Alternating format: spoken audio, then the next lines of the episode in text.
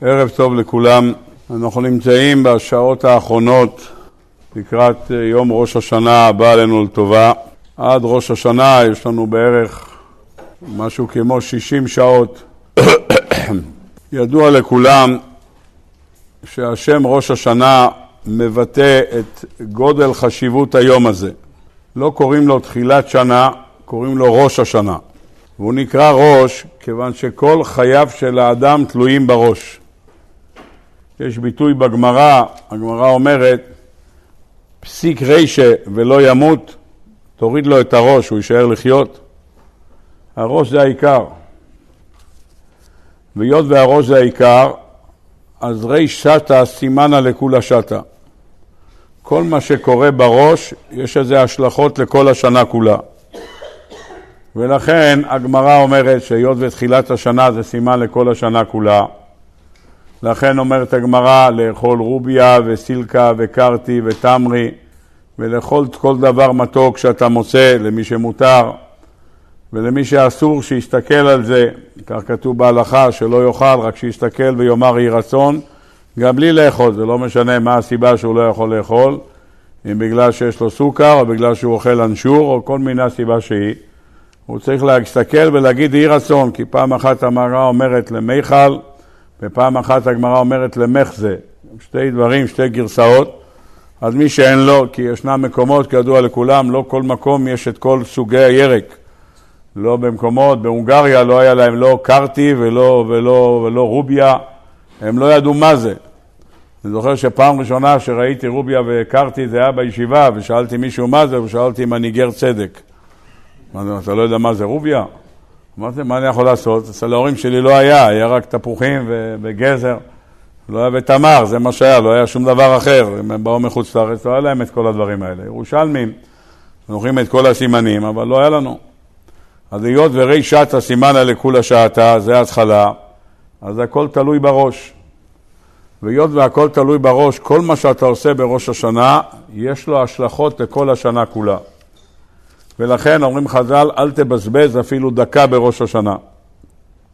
כי כולנו יודעים שלכל שעה יש השלכה לכל ראש השנה.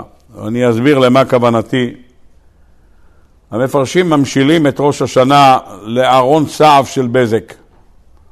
אתה רואה מלא חוטים, והחוטים האלה, כשאתה מנתק חוט אחד, אז בניין שיש פה 15 דיירים, אין לו קו. זה לא משנה אם זה חברת חשמל או חברת בזק, זה לא משנה לי מה. ואם אתה חותך כבל שלם, אז הכבל שלם מנתק רחוב. אז אם אתה עושה חוט אחד, אז שם עוברים 15 סיבים ו-15 דיירים בבניין. ואם אתה מוריד את אחד, צינור קצת יותר עבה, אז כל הרחוב אין לו טלפון. ואם אתה מוריד משהו יותר רציני, אז זה כבר לא רחוב, זה כבר כמה רחובות. הראש של האדם מורכב מאלפי חוטים, אלפי uh, מוליכים שישנם ומוליכים את הכל הגוף. אז זה שאתה מזיז את האצבע שלך, זה בגלל שהמוליך במוח נתן הוראה עכשיו, הרצון שלך להזיז, והמוליך אמר, אין לי בעיה, אתה יכול להזיז. אז הכל מוציאים מוליכים שהולכים לגוף, הכל נעשה, וזה סיבים מאוד דקים, שבקושי רואים אותם רק בעיניים מיוחדות, שיש להם כאלה משקפיים. מיוחדות שמגדיל להם את זה פי אלף או פי חמש מאות ואז הם רואים את החוטים האלה. והחוטים האלה ממונים על כל הגוף כולו. רחמנא ליצלן, כשיהודי עובר אירוע מוחי, וכריש הכי קטן שם נתפס באיזה מקום, פתאום חצי גוף מפסיק לעבוד, והדיבור שלו לא יוצא טוב וזה לא יוצא טוב. כריש אחד, מה שנקרא פגיעה בכבל אחד, ואם זה כבל מרכזי, אז זה יכול לפגוע בחצי צד. פתאום הוא לא יכול לדבר, לא יכול לזוז, אז הכל נמצא בראש. רבותינו עושים חשבון אם תיקח 354 ימים בשנה. זה מספר הימים שיש לנו בשנה, זה מה שאומרים 365, זה כנגד שנות החמה. שנות הלבנה שאנחנו מונים זה 354. השנה הבאה, פ"ד, תהיה שנה של שנה מעוברת. אני חושב שמספר השני, הימים שיש ש"פ, 383 שנים, אם חושב ככה, זה מספר הימים שיש בשנה הבאה בעלינו טובה. אבל בשנה שאיננה מעוברת, מספר הימים שישנם זה 354 ימים. אם תכפיל אותם, 354 תכפיל ב-24, תקבל את המספר 8496, כמעט, כמעט שמונה וחצי אלף שעות יש לך בשנה. אם יש בשנה שמונה וחצי אלף שעות, זאת אומרת, אם תיקח את ראש השנה ותחשב רק את הימים של ראש השנה, לא את הלילות, כי בלילות אנחנו יושנים, אז יש לנו יום עבודה שנמשך 12 שעות, שש וחצי זה הנץ החמה, שש וחצי זה שקיעת החמה, אז יש לך 12 שעות עבודה. אם תיקח 12 ועוד 12, אז יש לך 24 שעות עבודה. אם אתה רוצה לחבר גם את הלילות, אז יש לך 48 שעות עבודה. אבל אם ניקח את זה, וככה ראיתי הרבה שהם עושים את החשבון הזה, שיש לנו בסך הכל 24 שעות עבודה. תיקח 8, 4, 9, 6, תחלק אותו ב-24, תקבל את המספר 354. זה המספר שתקבל. זאת אומרת שכל שעה, כל שעה בראש השנה יש לו השפעה ישירה על 354 שעות. 354 שעות זה 14.75 ימים, זה החשבון. ואם אתה רוצה להכפיל גם בלילה, אז יש לך 14, 7 ימים. אם אתה לוקח את ראש השנה כ-48, אז יש לך השפעה מכל שעה על 7 ימים. אומרים המפרשים, אם ראש השנה שלך מתומצת עד הסוף, ומילאת כל שעה בדברים רוחניים, בתפילה, בעבודת השם, באמירת תהילים, לא בהתעסקות בשטויות, אז ממילא, אז השנים, השנה שתבוא עליך, זאת תהיה שנה מבורכת מתחילתה ועד סופה, כי ניצלת כל שעה משעות היום, או לתפילה, או לאכילה לצורך מצווה, או שאתה אומר תהילים, אז כל היום שלך לוקח לזה. אז מילא ה-12 שעות של היום משפיעים על כל שעה, משפיעים על, על יש לך השפעה על על, על 14.75 ימים. אז תבין מה זה ראש השנה.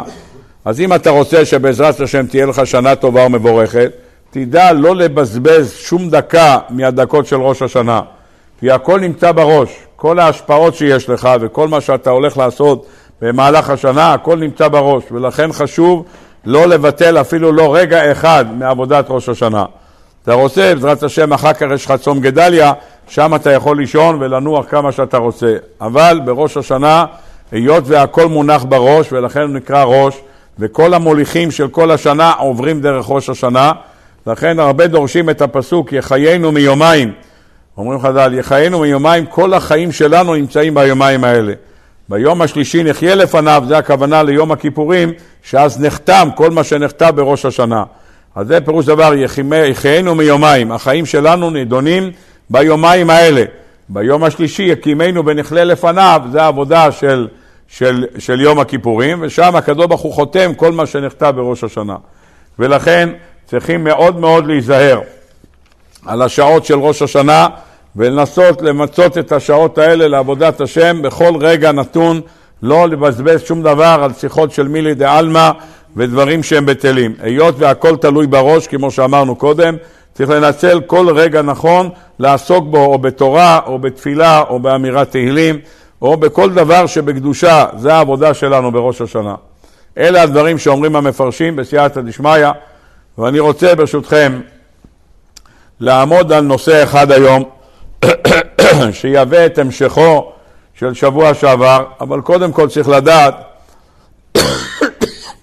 ראש השנה, הרבה מהקטעים בתפילה מתחילים במילה ובכן. ובכן צדיקים יראו וישמחו, ובכן תן פחדך, הכל בונוי על המילה ובכן. ככה זה מתחיל מההתחלה. ובכן יתקדש שמך השם אלוקינו, ובכן תן פחדך, ובכן תן כבוד, ובכן צדיקים. הכל מתחיל במילה ובכן. והמפרשים שואלים, מה זה ובכן? למה אתה צריך להגיד ובכן? תגיד, יתקדש שמך השם אלוקינו. תן תן פחדך השם אלוקינו. למה הכל מגיע עם המילה ובכן? אז יש כאלה שלוקחים את זה, המילה בכן, הגימטריה שלה היא 60, המילה שלה ובכן זה 72. 72 זה גימטריה של חסד. חסד בגימטריה 82. לכן, אתה מבקש מהקדוש ברוך הוא בקשה שבאה מצד מידת החסד. לאדם לא מגיע שום דבר, אין לו לאדם כלום אצל בוראו. האדם לא חייב, הקדוש ברוך הוא לא חייב לך שום דבר. אתה עובד אצלו, הוא לא עובד אצלך.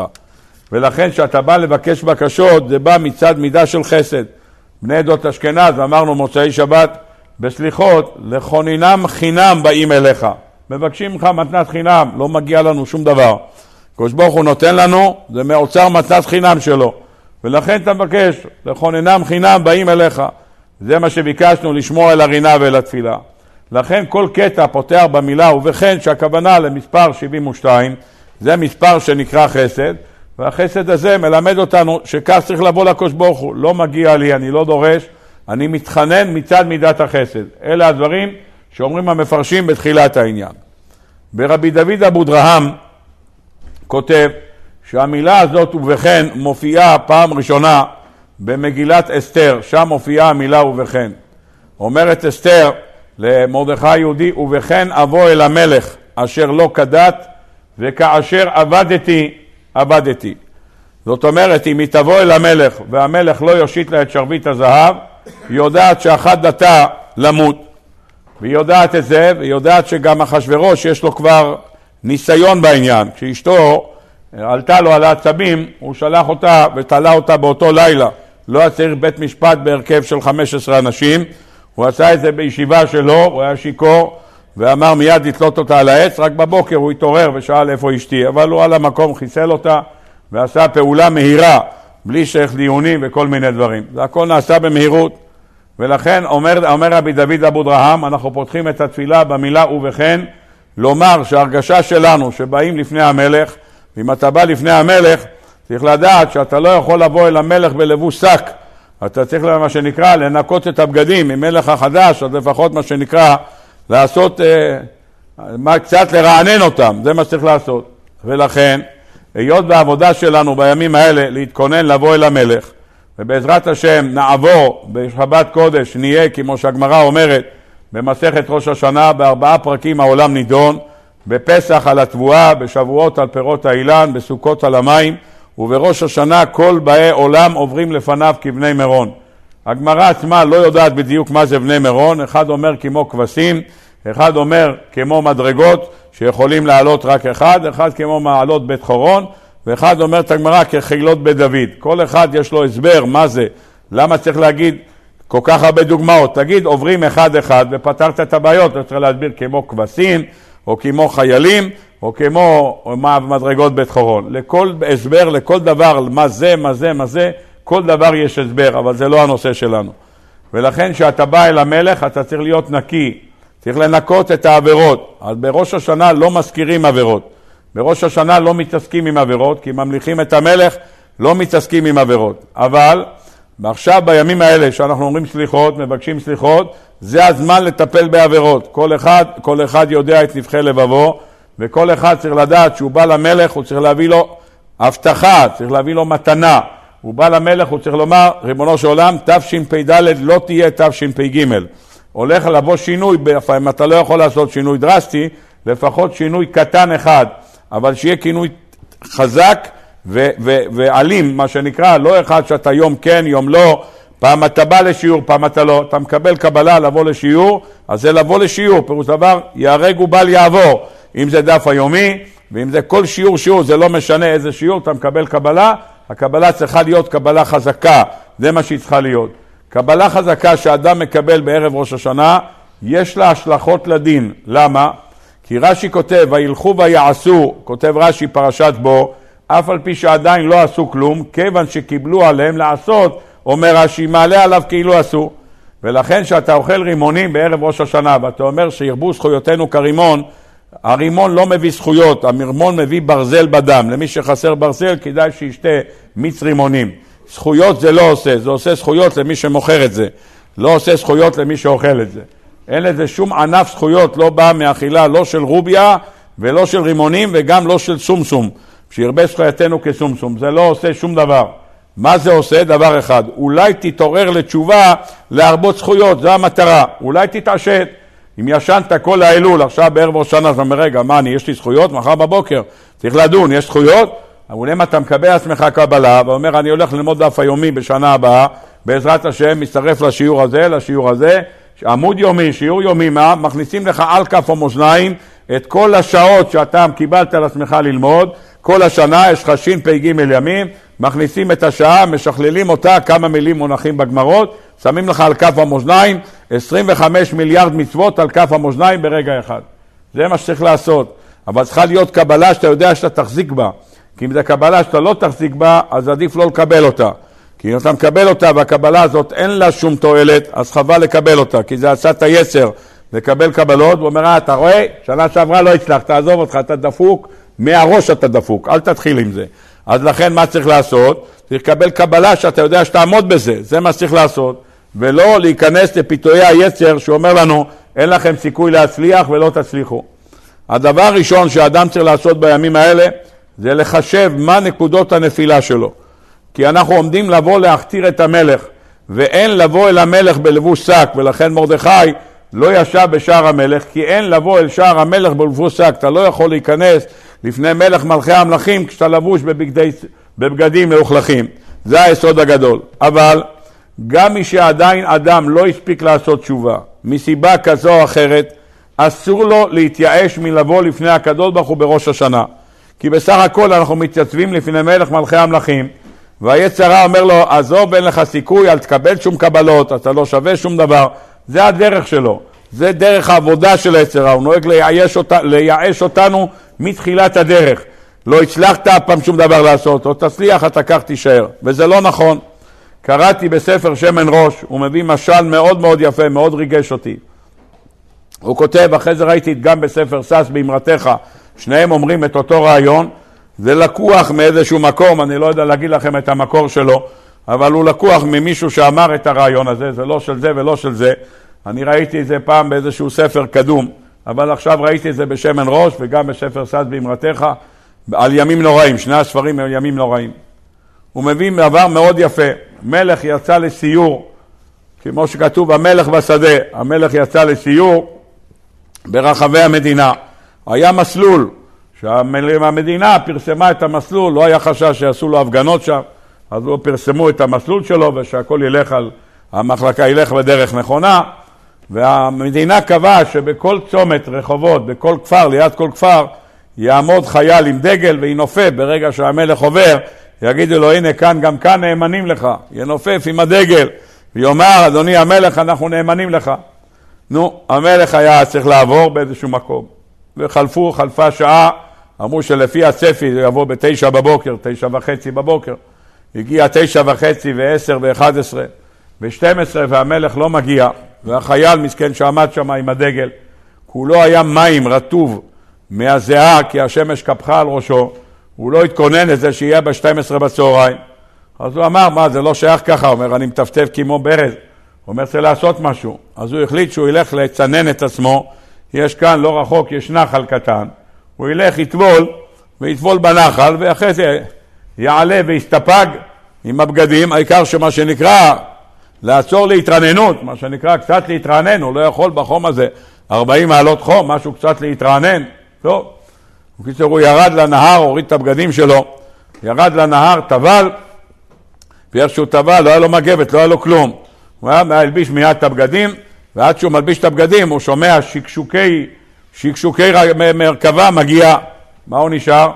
נשאר רק עם המינימום של הבדגים, זה מה שהיה לו. בקיצור, יש לו שאלה, או לא להיות בצומת, או לבוא לצומת כמו שהוא נראה. הוא החליט שלא להיות בצומת זה בושה וחרפה. המלך עובר ליד הכפר, ושם לא ינופפו לו לשלום עם הדגל. אז הוא בא, נעמד שם עם המינימום של הבגדים שהוא בא, ונעמד שם ועשה ככה עם הדגל ימינה-שמאלה. נו, המלך לא ראה דבר כזה בכל המסלול שלו, שהוא עושה כבר כמה ימים, תודה. הוא לא ראה דבר כזה שמישהו יעמוד ככה ונופף עם הדגל. קיצר, המלך רואה את זה, שבן אדם עומד עם בגד ים, ועומד שם ומנופף, המלך אומר לסוסון הזה, זה שיושב שם בקדימה, העגלון, אומר לו, תקשיב, תעצור רגע, אני רוצה לדבר עם הבן אדם, מעניין הבן אדם. עוצר את הכרכרה, המלך יורד, הדור, יש לו כתר על הראש, יש לו בגד יפה כזה, הוא נראה, זה תוסגיד, ברוך השם, הוא נראה כמו מלך, הוא יורד מהכרכרה עם שני משבקים משני צדדים. הוא ניגש לא, לאותו בן אדם, הבן אדם מיד השתטח על הרצפה והשתחווה לפני המלך. אומר לו, אדוני, אומר לו המלך, תגיד, מה זה הדבר הזה, מה התופעה? אומר, אני אגיד לך, אדוני המלך, אתה, אמרו לי שאתה בא בתשע וחצי, עשר וחצי, אחת עשרה וחצי, שתים עשרה וחצי, חם, ארבעים מעלות, כולי נזלתי מים, חשבתי עוד רגע אני הולך למות. אז מהר אמרתי, פה יש מעיין, אני אלך לטבול, בדיוק הגעת, עכשיו השעה אחת ועשרה, תראה מה שעה. אמרו לי תשע וחצי, אחת ועשרה, אז ירדתי לטבול, אמרתי עד שאני אחזור, אני אתלבש ואני אלבש, מה אני יכול לעשות? פתאום הגעת, מה אני יכול לעשות?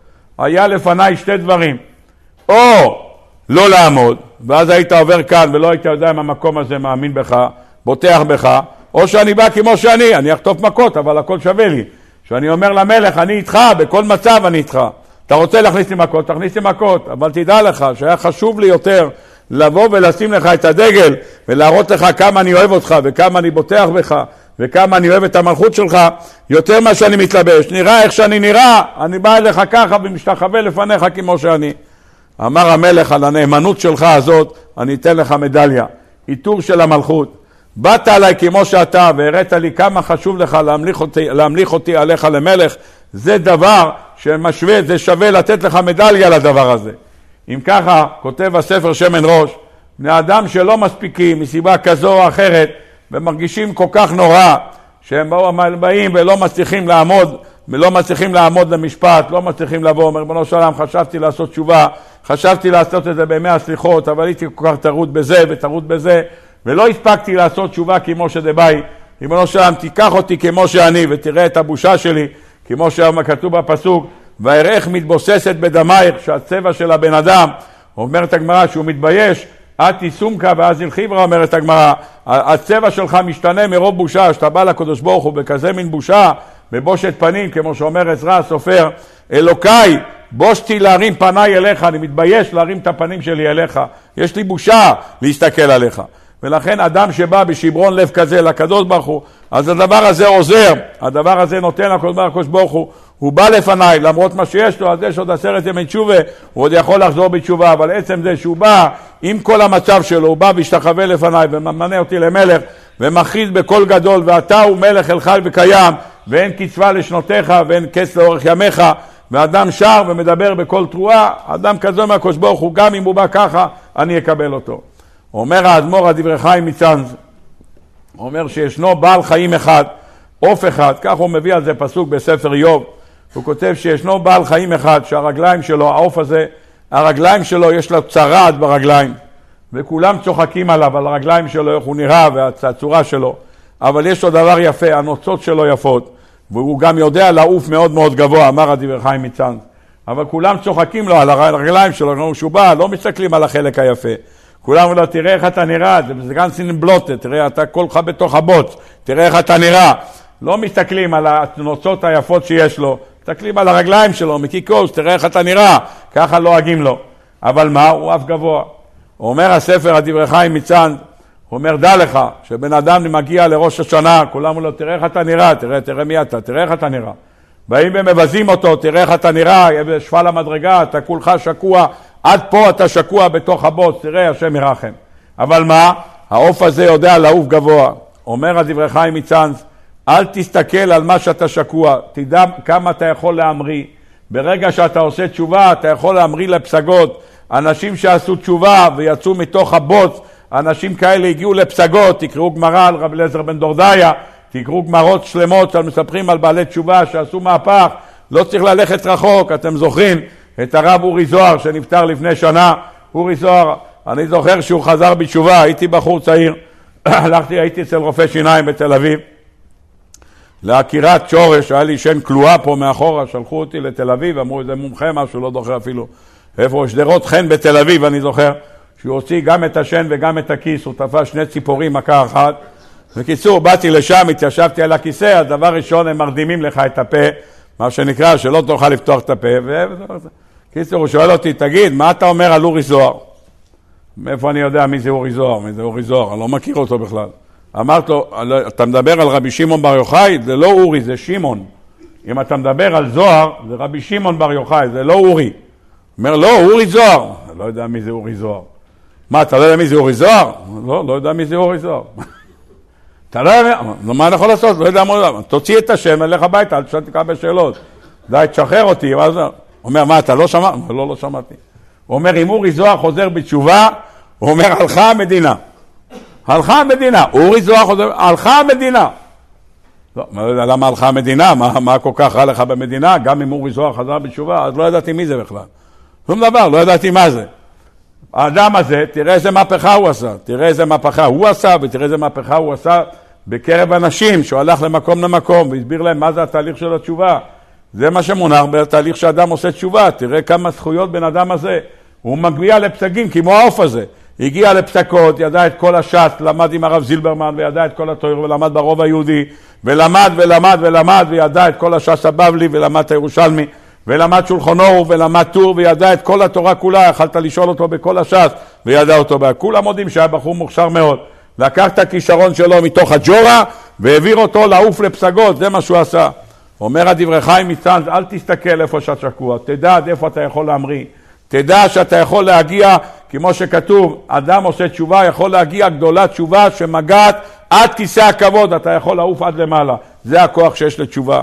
ולכן בזמנים האלה שבן אדם עושה תשובה, צריך לדעת כמה אדם צריך להתחזק בשעות האלה, כמה אדם יכול לתפוס בכל שעה, כמו שאמרנו, שעה בראש השנה, שווה ל-14, 75 אם אתה מחשיב את הימים, אם אתה מחשיב גם את הלילות, שבעה ימים מקבלים הזנה משעה אחת של ראש השנה, כולל הלילה.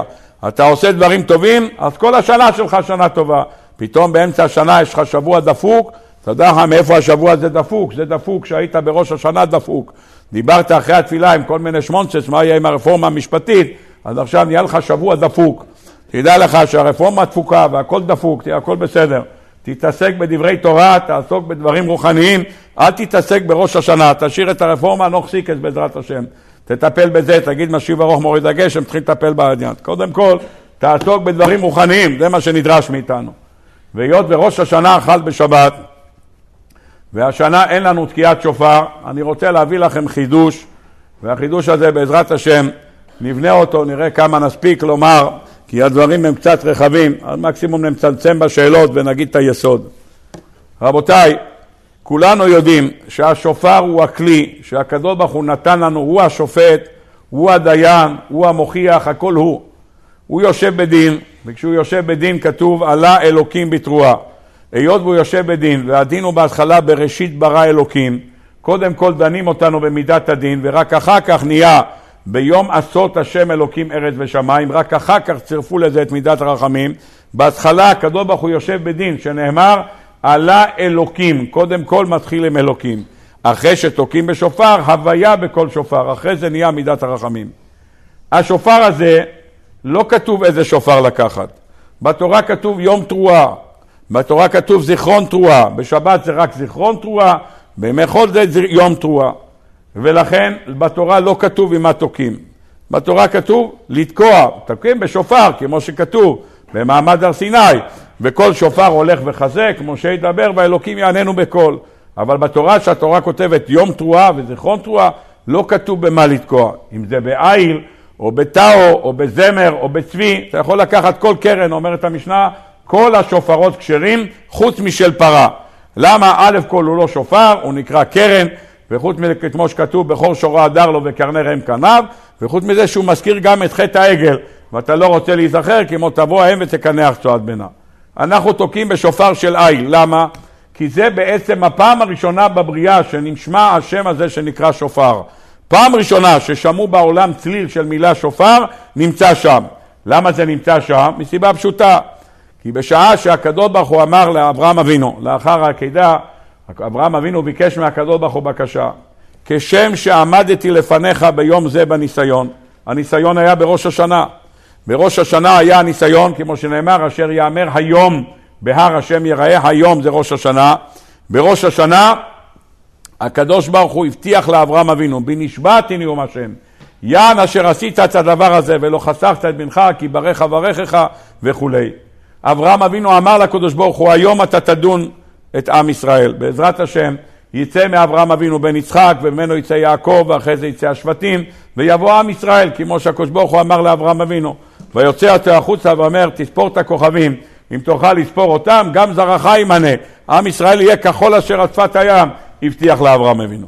וברגע שהקדוש ברוך הוא הבטיח, אז יהיה עם ישראל, יהיה עם ישראל כחול אשר שפת הים. אומר לאברהם אבינו היום, אתה הרי הולך לדון את עם ישראל ביום הזה. אנא ממך, ריבונו של עולם, אני מבקש בקשה, אם וכאשר תדון את הבנים שלהם, תזכור להם את עקדת יצחק, ותדון אותם לטובה, כך מבקש אברהם אבינו. אמר לו הקדוש ברוך הוא, אברהם, אם אתה רוצה שאני אזכור אותם לטובה, תגיד להם שיתקעו לפניי בקרן של שופר. אמר לו אברהם אבינו, מה זה שופר? אני לא יודע מה אתה קורא שופר, מה זה שופר? אמר לו הקדוש ברוך הוא, הבט אחריך, תסתכל בקשה אחורנית, שנאמר, והנה איל אחר נאחז בקרניו. אחר תסתכל אחורנית, ואמר לו הקדוש ברוך הוא, אתה רואה שם איל הסתבך בסבך של הקרניים שלו. איל שהאיל הזה היה בן 2,085 שנה, כי איל נברא בערב שבת בין השמשות, עוד געת לנגה, היה לו קרניים גדולות, היה לו הרנר, גרויסה הרנר יותר געת, היה לו קרניים גדולות מאוד, הסתבך בתוכו והיה תקוע שם. היה תקוע, כותב המהריל דיסקין אומר, היות וזה היה בשבת, אז אי אפשר לצוד אותו. אז לכן ברגע שהוא נתקע, אז הוא כבר ניצוד בקרניים שלו, אז היה אפשר לקחת אותו, על פי הדעה שזה היה בשבת. אז הוא אומר, היה אפשר לקחת אותו. טוב, אלה הדברים שנאמרו. אמר לו הקדוש ברוך הוא, אתה רואה את הקרן הזאת? יתקעו לפניי בקרן הזאת, ואני מוחל להם עוונותיהם. ואפילו יהיו מסובכים כמו הקרן הזאת, יהיו מסובכים בעבירות, אני בעזרת השם אגאל אותם בזכות הקרן הזאת. אלה הדברים שכתוב במדרש תנחומה ורבה בפרשת וארא, פרשת העקידה. שם נאמר פעם ראשונה שופר, שם זה מופיע. אומרת הגמרא, כל השופרות כשרים, אבל אם אתה רוצה לקבל בונוס נוסף, אמר הקדוש ברוך הוא, תקעו לפניי בשופר של איל, כדי שאזכור לכם עקדת יצחק בן אברהם, ומעלה אני עליכם, כאילו עקדתם עצמכם לפניי. תתקע באותו קרן של איל, באותו קרן. צריך לדעת שהיום הקרנות שיש לנו עוברות איזשהו טיפול, כיוון שהקרנות באות ומחממים אותן, מוציאים את המח מבתוכו, ואחרי זה מחממים אותם ואתה יכול לקפל אותו. שיעשה ככה ויעשה ככה, כל מיני צורות שאתה מוציא אותם, ומחממים אותם. יש תהליך של חימום של הקרן, והקרן נהיית קרקע, ואז אתה יכול לסובב אותה, שהכל יהיה יותר בס, אתה רוצה יותר דק, אתה מסובב ימינה שמאלה, משחקים איתה היום. זה לא הקרן הטבעית שאתה מוריד מהקרן של העיל, מביאים, זה עובר כל מיני משחקים, עובר כל מיני פעולות כדי להוציא קול יותר טוב, לשפר את מערכת הקולות. הקור הזה שנעשה מן העיל זה כדי שיזכור עקידת יצחק בן אברהם. ומעלה אני עליכם כאילו עקדתם עצמכם לפניי. הזכות הזאת של עקדת יצחק, אנחנו אוכלים עד עצם היום הזה. כל פרט מעקדת יצחק אנחנו מזכירים בראש השנה.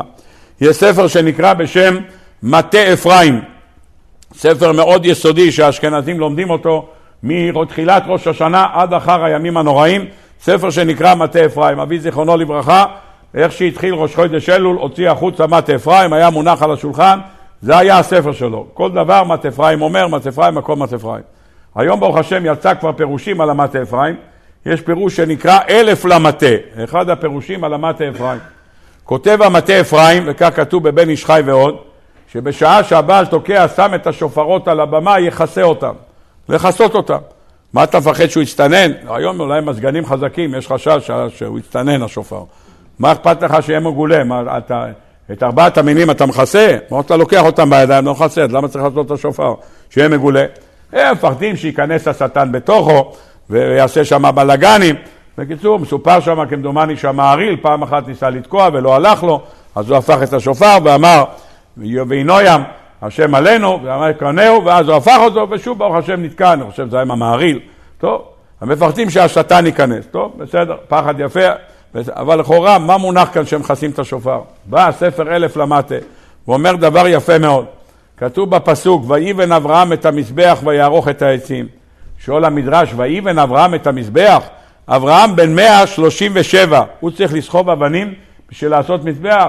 יש לך כאן בחור טוב בן 37, הגזינטר בוכר, קח אותו, בבקשה שיעשה לך אבנים. מה אדם בן 137 צריכים לבחור בלוקים? זה לא, הדורות ההם לא כמו הדורות שלנו, שההורים סוחבים לילדים. אומרים להם, והוא סוחב, והבן מסתכל, אומר, אבא, אתה לוקח טוב, תמשיך הלאה ככה, ברוך השם. אז זה פעם זה לא היה ככה, פעם אבא לא סחב שום דבר. אבא רק היה חושב לקחת, כבר הבנים סחבו לו את המזוודה. היום אתה מסתכל, איך אבא אומר, ברוך השם, אבא אתה בכושר, ברוך השם, בסייעתא דשמיא. אברהם אבינו צריך לבנות את המזבח, יצחק אבינו יצחק עליהם. תיקח בבקשה כמה אבנים, תתחיל לבנות, מה פתאום אני צריך לבנות לך את המזבח? אומר המדרש, ויבן אברהם את המזבח, שואל המדרש, ולמה לא נתן ליצחק? אמר לו יצחק אברהם ליצחק אבינו, אני לא מרשה לך לגעת בשום לבנה, אל תיגע בכלום. אמר לו יצחק למה? הוא אומר אם אתה תעשה, השטן יודע כמה כוח יש לעקדה שאנחנו הולכים לעשות. הרי בדרך הוא עשה לנו נהר עד הגרון, הנהר הגיע עד הגרון לאברהם אבינו וליצחק, הם הלכו למות והם צעקו הושיעני אלוקיי כי באו מים עד נפש, ריבונו שם אני הולך למות, הנהר הזה הולך להרוג אותי. למה השטן עשה לו נהר כדי שאברהם אבינו ייקח רוורס והכל יהיה בסדר. הוא גם בא ליצחק אבינו ואומר לו, תגיד, איפה הקורבן? הוא אומר, לא יודע. אלוקים יראה לא עשה לעולם בני, הכל בסדר גמור. אומר לו השטן ליצחק, עזוב אותך, לא עושה ולא שום דבר, אתה הקורבן. למה? הוא רצה להפחיד אותו. אחרי שאמר לו, אתה הקורבן, הוא שואל את אבא שלו, אבא, איפה הקורבן? אמר, אל תדאג, יהיה קורבן. אבא שלו לא אמר לו שהוא הקורבן. כתוב במדרש שבא השטן ואמר לו ליצחק אבינו, אתה יודע, אתה הולך להישחט. כל אותן פרגזיות שעשתה עמך, הולך עכשיו לישמעאל. אמא שלך היית בן יחיד, נכון? כבן המז'יניקלה, היית הבן היחיד של אבא שלך. ילד יחיד מקבל כל מה שאתה רוצה. אמא שלו שמה אותו בעגלה בסופר, הוא רק לוקח מהמוצרים, הוא לא שואל שאלות, הוא לוקח אחד ושתיים ושלוש וארבע, ואם אתה לוקח לו כי הוא בן יחיד, הוא עושה לך, שר לך כמה וכמה זמירות, גם שבת, גם ימים נוראים, וגם ימים טובים, הכל אושר לך מכה אחת. ולכן מה? ולכן בן קטן מקבל כל מה שיש, אחד שהוא לבד, סולו. אומר יצחק, אומר השטן ליצחק, אמא שלך עשתה לך סוודר יפה, הביאה לך בגדים, כל הבית שלך מלא דברים טובים. כל זה הולך עכשיו לישמעאלקה, הכל הולך לו. מיד אומרים חז"ל, יצחק אבינו שאל את אבא שלו עוד שאלה, אומרים חז"ל למה? ברגע שהוא בא ואמר לו זה הולך למישהו אחר, עורר בו קנאה, כמו שאנחנו אומרים בפעם. ויוצאים למלחמה, מה כתוב? היא אומרת הגמרא, מי שהישר בנה בית ולא חנכו, ילך וישוב לביתו. פן ימות במלחמה ואיש אחר יחנכנו. מה אכפת לך אם אתה מת במלחמה? מה אכפת לך? אומר, לא אכפת לי למות, אבל לא שמישהו אחר יישב בג'קוזי שלי, זה לא. אומר, אני מוכן למות, אבל לא שבניתי ג'קוזי, הוא יישב, לא, לא מוכן, זה בשום פנים. מה אכפת לך, אתה כבר לא פה? אומר, אני לא פה, אבל אני בסביבה. יפה מאוד. בא השטן, הוא אומר לו, תשמע, ישמעאל ייקח את הדברים, הוא כבר מזעזע אותו. אומר לאברהם אבינו, אני לא מרשה לך לגעת באבן. למה? השטן ישים לך רגל, אתה תיפול, אתה תשבור הרגל. תשבור הרגל, אתה תהיה פסול לקורבן. לא יוכל להקריב אותך, ואני מקריב אותך היום, לא יעזור כלום. מה אנחנו היינו עושים? היו לנו לקחת את הבן שלנו, היית אומר, אדרבה שישבור, ילך על האבנים, ישבור הרגל, ניקח אותו לבית חולים, ישימו לו גבס, ישכב עם הרגל למעלה, חודשיים, ואחרי זה פיזיותרפיה, תלוי באיזה קופה אתה, בין ארבע לשבע שנים, אתה משקם את הרגל בעזרת השם, תלוי איזה קופה, כי כל פעם מאשרים עוד ארבע טיפולים, ואחר כך עוד ועדה, עוד שתיים וחצי טיפולים, ועד שככה אומרים שבע שנים, בעזרת השם שבע שנים, אתה בעזרת השם משוקם. נו, אז מה ראיה? ב-37 עוד שבע, הגעת ל-44, מוסדו ישלח בינתיים, הילד יהיה בבית. רק אומר אברהם, בשום פנים, היום אני גומר את זה. אומר, תכסה את השופר להזכיר ריבונו של עולם. אברהם אבינו כיסה את יצחק כדי שהשטן לא יפגע בו. תזכור לי גם את הקטע הזה. כל מה ששייך לתקיעת שופר נכנס בנושא הזה. אם ככה רבותיי, שופר זה היסוד הגדול של היום הזה שנקרא ראש השנה. עומר בבואו, עומר הקדוש ברוך הוא תקעו לפניי בשויפור של העיל כדי שאזכור לכם עקידת יצחק בן אברהם ומעלה אני עליכם כאילו עקדתם עצמכם לפניי. מה נעשה בשבת קודש? אין לנו שופר, אין לנו את הסנגור הכי גדול. דיברנו על זה בשבוע שעבר.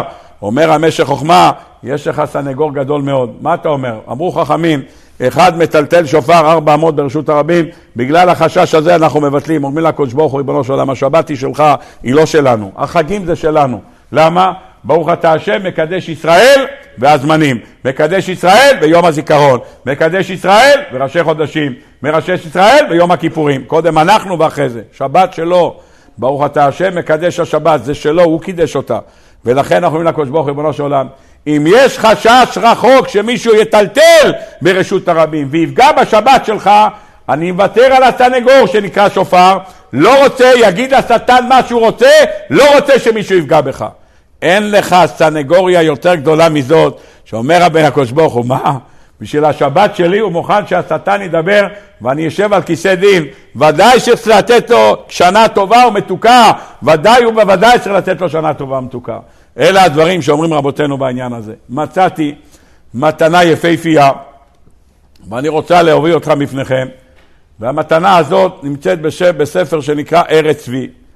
אני לא אספיק כדי לומר אותו, צריך איזה שלושת רבעי שעה, אבל לפחות מה שנקרא נקודות, תמצית הדברים. הוא פותח, זה דרשה לשבת הגדול. ראיתי מישהו שמפנה לדרשה לשבת הגדול של בעל ארץ צבי, קראו לו האדמו"ר מקוז'יגלוב, זה השם שלו, ואני התפלאתי מה עושה שבת הגדול, מה נכנס לראש השנה. ויקימתו, תמיד שבת תשובה, ראש השנה, זה באזור. שבת הגדול, מה נכנס לראש השנה, איפה ראש השנה? נכון שהגמרא אומרת ארבעה ראשי שנים הם. יש לך באחד בתשרי ויש לך באחד בניסן, אבל זה לא שייך, זה לא ראש השנה, מה זה עושה שם? טוב, אז לקחתי הספר והתחלתי לדפדף. בתוך אחד המאמרים שלו הוא מביא שאלה, בעצם משם מתחיל כל הקטע. הוא בעצם מדבר על, על, אה, על ליל הסדר, עבודת ליל הסדר, ושם הוא מתחיל לשאול שאלות על ליל הסדר. אומר, אנחנו בליל הסדר, אילו הוציאנו מצרים ולא עשה בהם שפטים דיינו, אילו עשה בהם דיינו, אילו הביאנו לפני הר סיני ולא נתן לנו את התורה, דיינו. הביאנו לפני הר סיני ולא נתן לנו את התורה, בשביל מה הביא אותנו להר סיני? מה זה טיול מאורגן במצרים? מה? לא הבנתי, מה...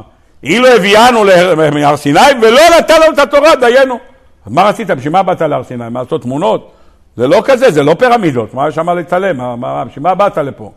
הרי כל המטרה שיצאת ממצרים, מה המטרה? תעבדון את האלוקים על ההר הזה, לצאת ממצרים, לקבל את התורה. אז מה זה אילו קרבנו לפני הר סיני ונתן לנו את התורה? שאלה נוספת שהוא שואל שם על הדרך, הוא אומר, כתוב בתורה, אנחנו אומרים בחג השבועות, ותיתן לנו השם אלוקינו באהבה את יום חג השבועות הזה, זמן מתן תורתנו, מקרא קודש וכולי. מה זה מתן תורתנו? אומר, מה זה תורתנו? זה תורתו, מה זה מתן תורתנו? זה תורתו. מה מתן תורתו? מה זה תורתנו? זה לא שלנו. חוץ מזה הוא שואל, זה לא זמן מתן תורתנו. מתי אתה אומר מתן תורתנו? בו' בחודש סיוון. התורה לא ניתנה בו' בסיוון. מתי התורה ניתנה? בז' בסיוון. משה רבינו בא, אומרת הגמרא מסכת שבת, ביקש להזיז אותה יום אחד. אז אתה כולה, מה התורה ניתנה בז', אז מה אתה אומר זמן מתן תורתנו? לא קיבלנו שום תורה. היום שאתה אומר בו' בסיוון זמן מתן תורתנו, אתה סופר 50 יום מפסח, זמן מתן תורתנו, לא קיבלת תורה ביום הזה. התורה ניתנה, הקדוש ברוך הוא הרי התנה תנאי בששת ימי בראשית. מה הוא אמר? יקבלו את התורה טוב, אם לא, אני מחזיר את התורה. מתי? יום השישי. למה כתוב השישי? יום שישי, כמו יום ראשון, כמו יום שני. מה זה השישי?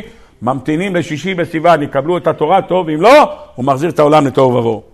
יוצא שהזמן שקיבלנו את התורה זה בכלל בזין, השישי, אז למה העולם לא יתהפך?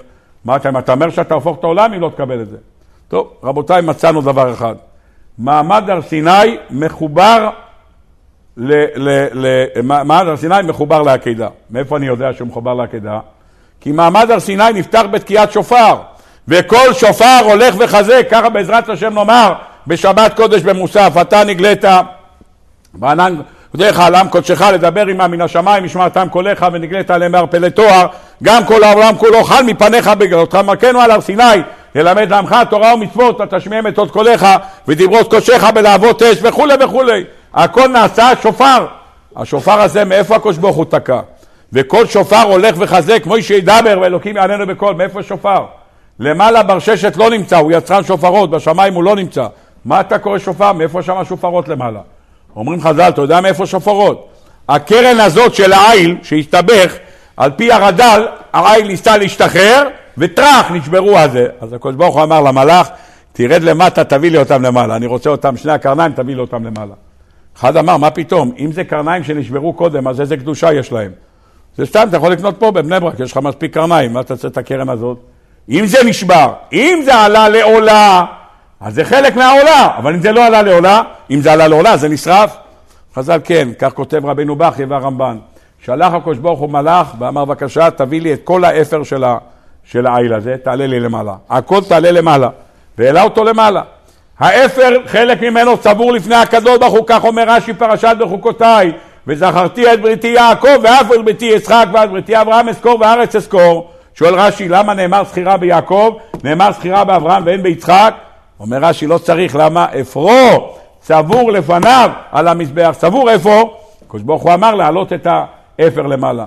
כשהאפר עלה למעלה, כתוב ברמב"ן ורבינו בחיי, הקדוש ברוך הוא לקח את האפר ועשה שני שופרות, אחד קטן ואחד יותר גדול, שהכל שופר הראשון תקע בו במעמד הר סיני וכל שופר הולך וחזק, והשני בעזרת השם אוטוטוט יבוא משיח צדקנו, בעזרת השם תקע בשופר גדול לחירותנו.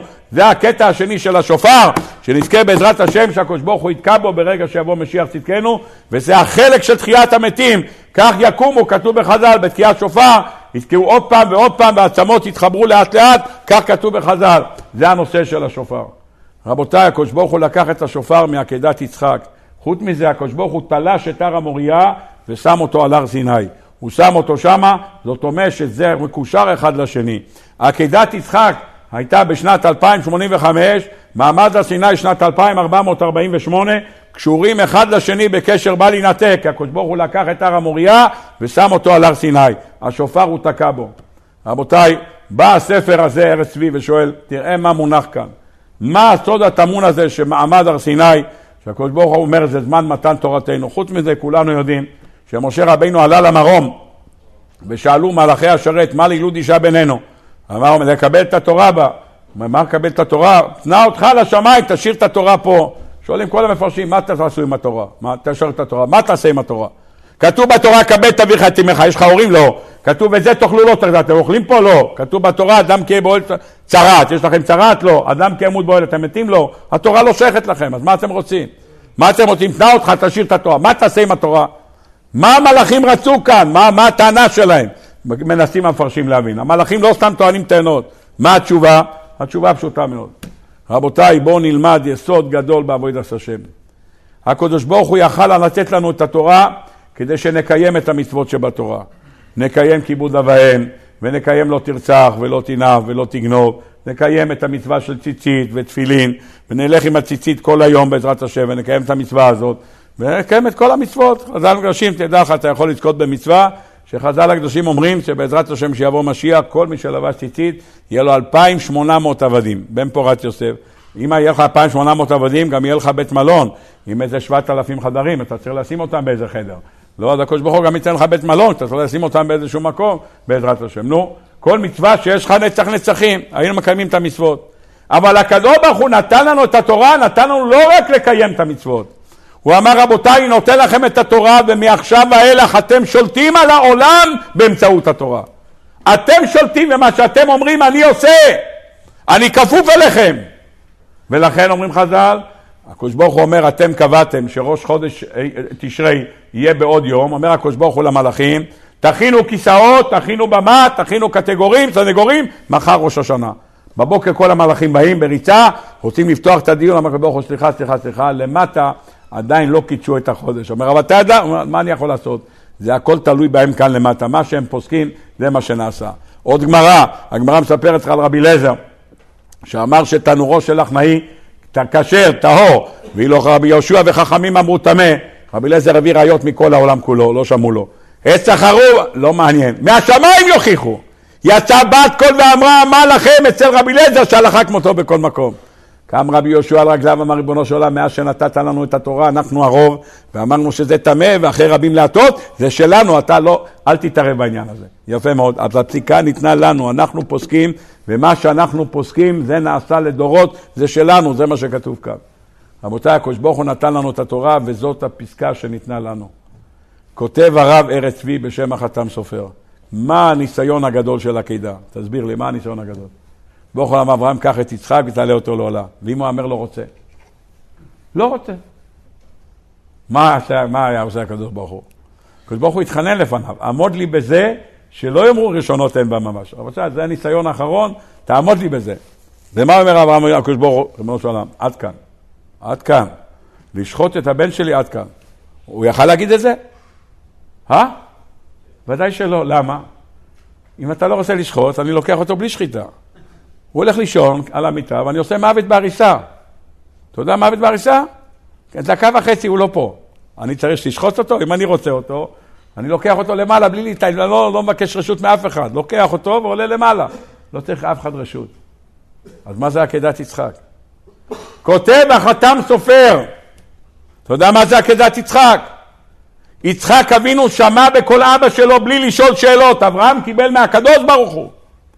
יצחק אבינו קיבל מאבא שלו. יאמר יצחק, אם לא שם, לא הבנתי, אבא, בוא רוצה שאני אשחט? שידבר איתי, למה הוא מדבר איתך? למה הוא מדבר איתך? למה הוא לא מדבר איתי? מה עשה יצחק? אומר, אני לא שואל שאלות. החכם אמר לשמוע בכל חכמים, מה שחכמים עושים אני עושה. אתה יודע מה זה עקדת יצחק, אומר החתם סופר? שאתה נשמע לדעת חכמים, זה עקדת יצחק. לא עצם זה שהוא שם אותו על המזבח. הסימן שלו על המזבח לא עושה כלום, כי אם הקדוש ברוך רוצה להרוג אותו, חמש, חמש שניות הוא לא פה. שניות הוא לא פה. אז מה אומר לך? תעשה, תשמע מה שאני אומר לך. לשמוע בקול חכמים, זה העבודה של עקדת יצחק. אומר הרב מקוז'יקלו בספר שלו, זה עקדת יצחק, וזה שאתה מבטל תקיעת שופר בראש השנה. למה? כי חכמים אמרו לך לא לתקוע בשופר. זה עקדת משה ועקדת דוד וכל עקדה. אם אני רוצה לתקוע ואני לא תוקע כי חכמים אמרו לי לא לתקוע, זה בדיוק עקדת יצחק, כמו אצל יצחק אבינו.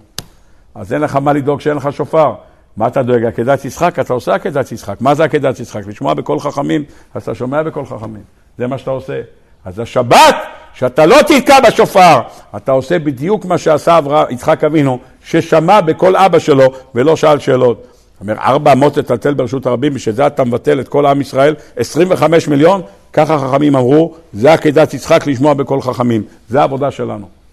אלה הדברים שיש לנו סביב העניין של ראש השנה, ושופר ושבת. אני רוצה בעזרת השם לומר לכם יסוד אחד שכותב אותו רבי חיים פלאז'י. רבי חיים פלאז'י בספרו כותב שכל אדם יאמר בערב ראש השנה 11 פסוקים ראשונים של פרשת כי תבוא. ומי שעושה את זה, מובטחת לו שנה טובה. כך כותב רבי חיים פלאז'י, מובטח לו שהקדוש ברוך הוא יעביר לו חטאותיו. כך הוא כותב, רבי חיים פלאג'י, יש לנו על מי לסמוך. זה לא מדף לזוג עם קי"ט תרא סיגמול, לא צריכים להגיד קי"ט 30 פעם. 11 פסוקים בפרשת כי תבוא, ואני לא יודע אם הוא כותב שם שתיים מקרא ואחד תרגום או לא, וגם אם זה שתיים מקרא ואחד תרגום, זה 22 פסוקים, אם התרגום זה 33 פסוקים, זה לוקח על השעון 10 דקות. הבטחה לשנה טובה בקריאה של 33 פסוקים. אם אתה אומר אותם שתיים מקרא ואחד תרגום, אני לא זוכר אם הוא אומר להגיד את זה. מקרא, שתיים מקרא. 11 פסוקים. ולגמור אותם לפני שקיעת החמה. אין לך זמן בבוקר, אז תגיד בצהריים, אין לך בצהריים, אחרי צהריים, לפני שאתה אומר אחות קטנה תפילותיה אורחה, לפני שקיעת החמה תגיד את ה-11 פסוקים האלה. כך כותב רבי חיים פלאג'י. מה, מה יש בזה? חוץ מזה הוא כותב במקום אחר, לאכול בליל ראש השנה, עם כל המטעמים שאתה אוכל, לאכול חתיכה מצה שנשארה לך מפסח. למה? כי זה בעצם אותו פסוקים שאתה אומר על הביקורים, אותו פסוקים אתה אומר בליל, בליל הסדר, אתה אומר גם בביקורים. זה אותו עניין. מה זה? להגיד תודה רבה לקדוש ברוך הוא על השנה שעברה עליך. ברוך השם, אתה חי, הגעת לראש השנה, ברוך השם, קושי פה, קושי שם, אבל הגעת. אתה נמצא בראש השנה של תשפ"ד, התחלת שנה חדשה, ברוך השם, אתה מתחיל שנה חדשה. אל תגיש רשימת בקשות לפני שאמרת תודה רבה על השנה שעברה. לא אמרת תודה רבה, אל תבקש שום דבר. אין לך מה לבקש. אז היסוד הראשון, שאתה אומר מודים אנחנו לך, אחרי שאתה אומר מודים אתה יכול להגיד בספר חיים, ברכה ושלום, פרנסה טובה, גזירות טובות. למה? אמרת תודה רבה. אמרת וכל החיים יודוך סלע, אני מודה לך, אז ריבונו של עולם, עכשיו אתה יכול לבקש.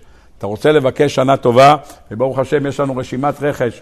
ביום השני יש 44 אבינו מלכנו, מלא אסמנו שובע, מלא ידינו ברכותיך, ברוך השם, אתה מבקש את כל יש וכל, וכל רמי לוי, הכל שיהיה שייך לך, מלא אסמנו שובע, מלא ידינו ברכותיך, ברוך השם, אתה מכניס את כל הבקשות, ואתה מגיש, אומר ריבונו של עולם, תרשום מה אני צריך בשנת תשפ"ד.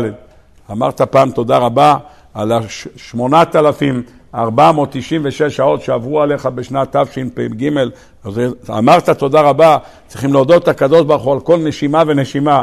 תשב ערב ראש השנה, אתה מגיש רשימת רכש, לפני שאתה אומר תודה רבה, אין לך מה לבוא אליי.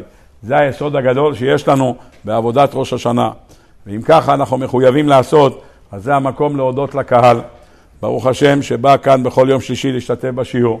זה לא דבר של מה בכך, אם לא הייתם באים גם אני לא הייתי בא. אז זה שאני זוכה לבוא, זה בגלל שאתם באים, אם אתם לא הייתם באים אני לא הייתי בא. אני רוצה להודות לאלי סער על הארגון של השיעור. אני רוצה לזכור לטובה את גברת אודרברג, שהיא הייתה מהיוזמות של השיעור ועשתה רבות, ישראלה, כמה שהיא פעלה, מי שזוכר עוד במקום הקודם, ועברנו, לא צריכים לשכוח חסדי ראשונים, כמה שהיא עשתה ופעלה להגדיל את השיעור הזה, וכמה היא פעלה ביחד עם אלי, השיעור באמנם התחיל בבית של אלי סער, אבל משם זה הלך והתפתח, ברוך השם, בסייעתא דשמיא, וכל השנה, ברוך השם, מסרנו שיעורים בסייעתא דשמיא, זה לא דבר פשוט. צריך להודות לקדוש ברוך הוא שזכינו לבוא בבריאות איתנה, כה ייתן השם וכה יוסיף בעזרת השם, שנזכה להיפגש גם בשנה הבאה בבריאות איתנה, בעזרת השם אריכות ימים ושנים לכולם, שהקדוש ברוך הוא ייתן לכולם שנת בריאות ושנת פרנסה ושנת שידוכים טובים ושנת זרע של קיימא ושנה של שלום בית בתוך הבית. הקדוש ברוך הוא בעזרת השם ישפיע עליכם נחת דקדושה מכל יוצא חלציכם, שכל הילדים ילכו בדרך השם וכולם יהיו שמחים בעבודת השם ובעזרת השם נזכה לראות בעיני בשר, בעיני בשר בשוב השם ציון ויקוים בנו והסר ממנו יגון בהנחה שאנחנו אומרים בברכת השופטים והסר ממנו יגון בהנחה כל הצרות מגיעים מהשיבה שופטינו כבראשונה שהקדוש ברוך הוא בעזרת השם ישיבה שופטינו כבראשונה והסר ממנו יגון והנחה ונזכה בעזרת השם לביאת גואל צדק במהרה בימינו אמן ואמן. רבי חנניה בן הקשיא אומר רצה הקדוש ברוך הוא לזכות ישראל לפיכך יבא להם תורה ומצוות שנאמר אדוני חופץ למען צדקו יגדיל תורה ויאדיר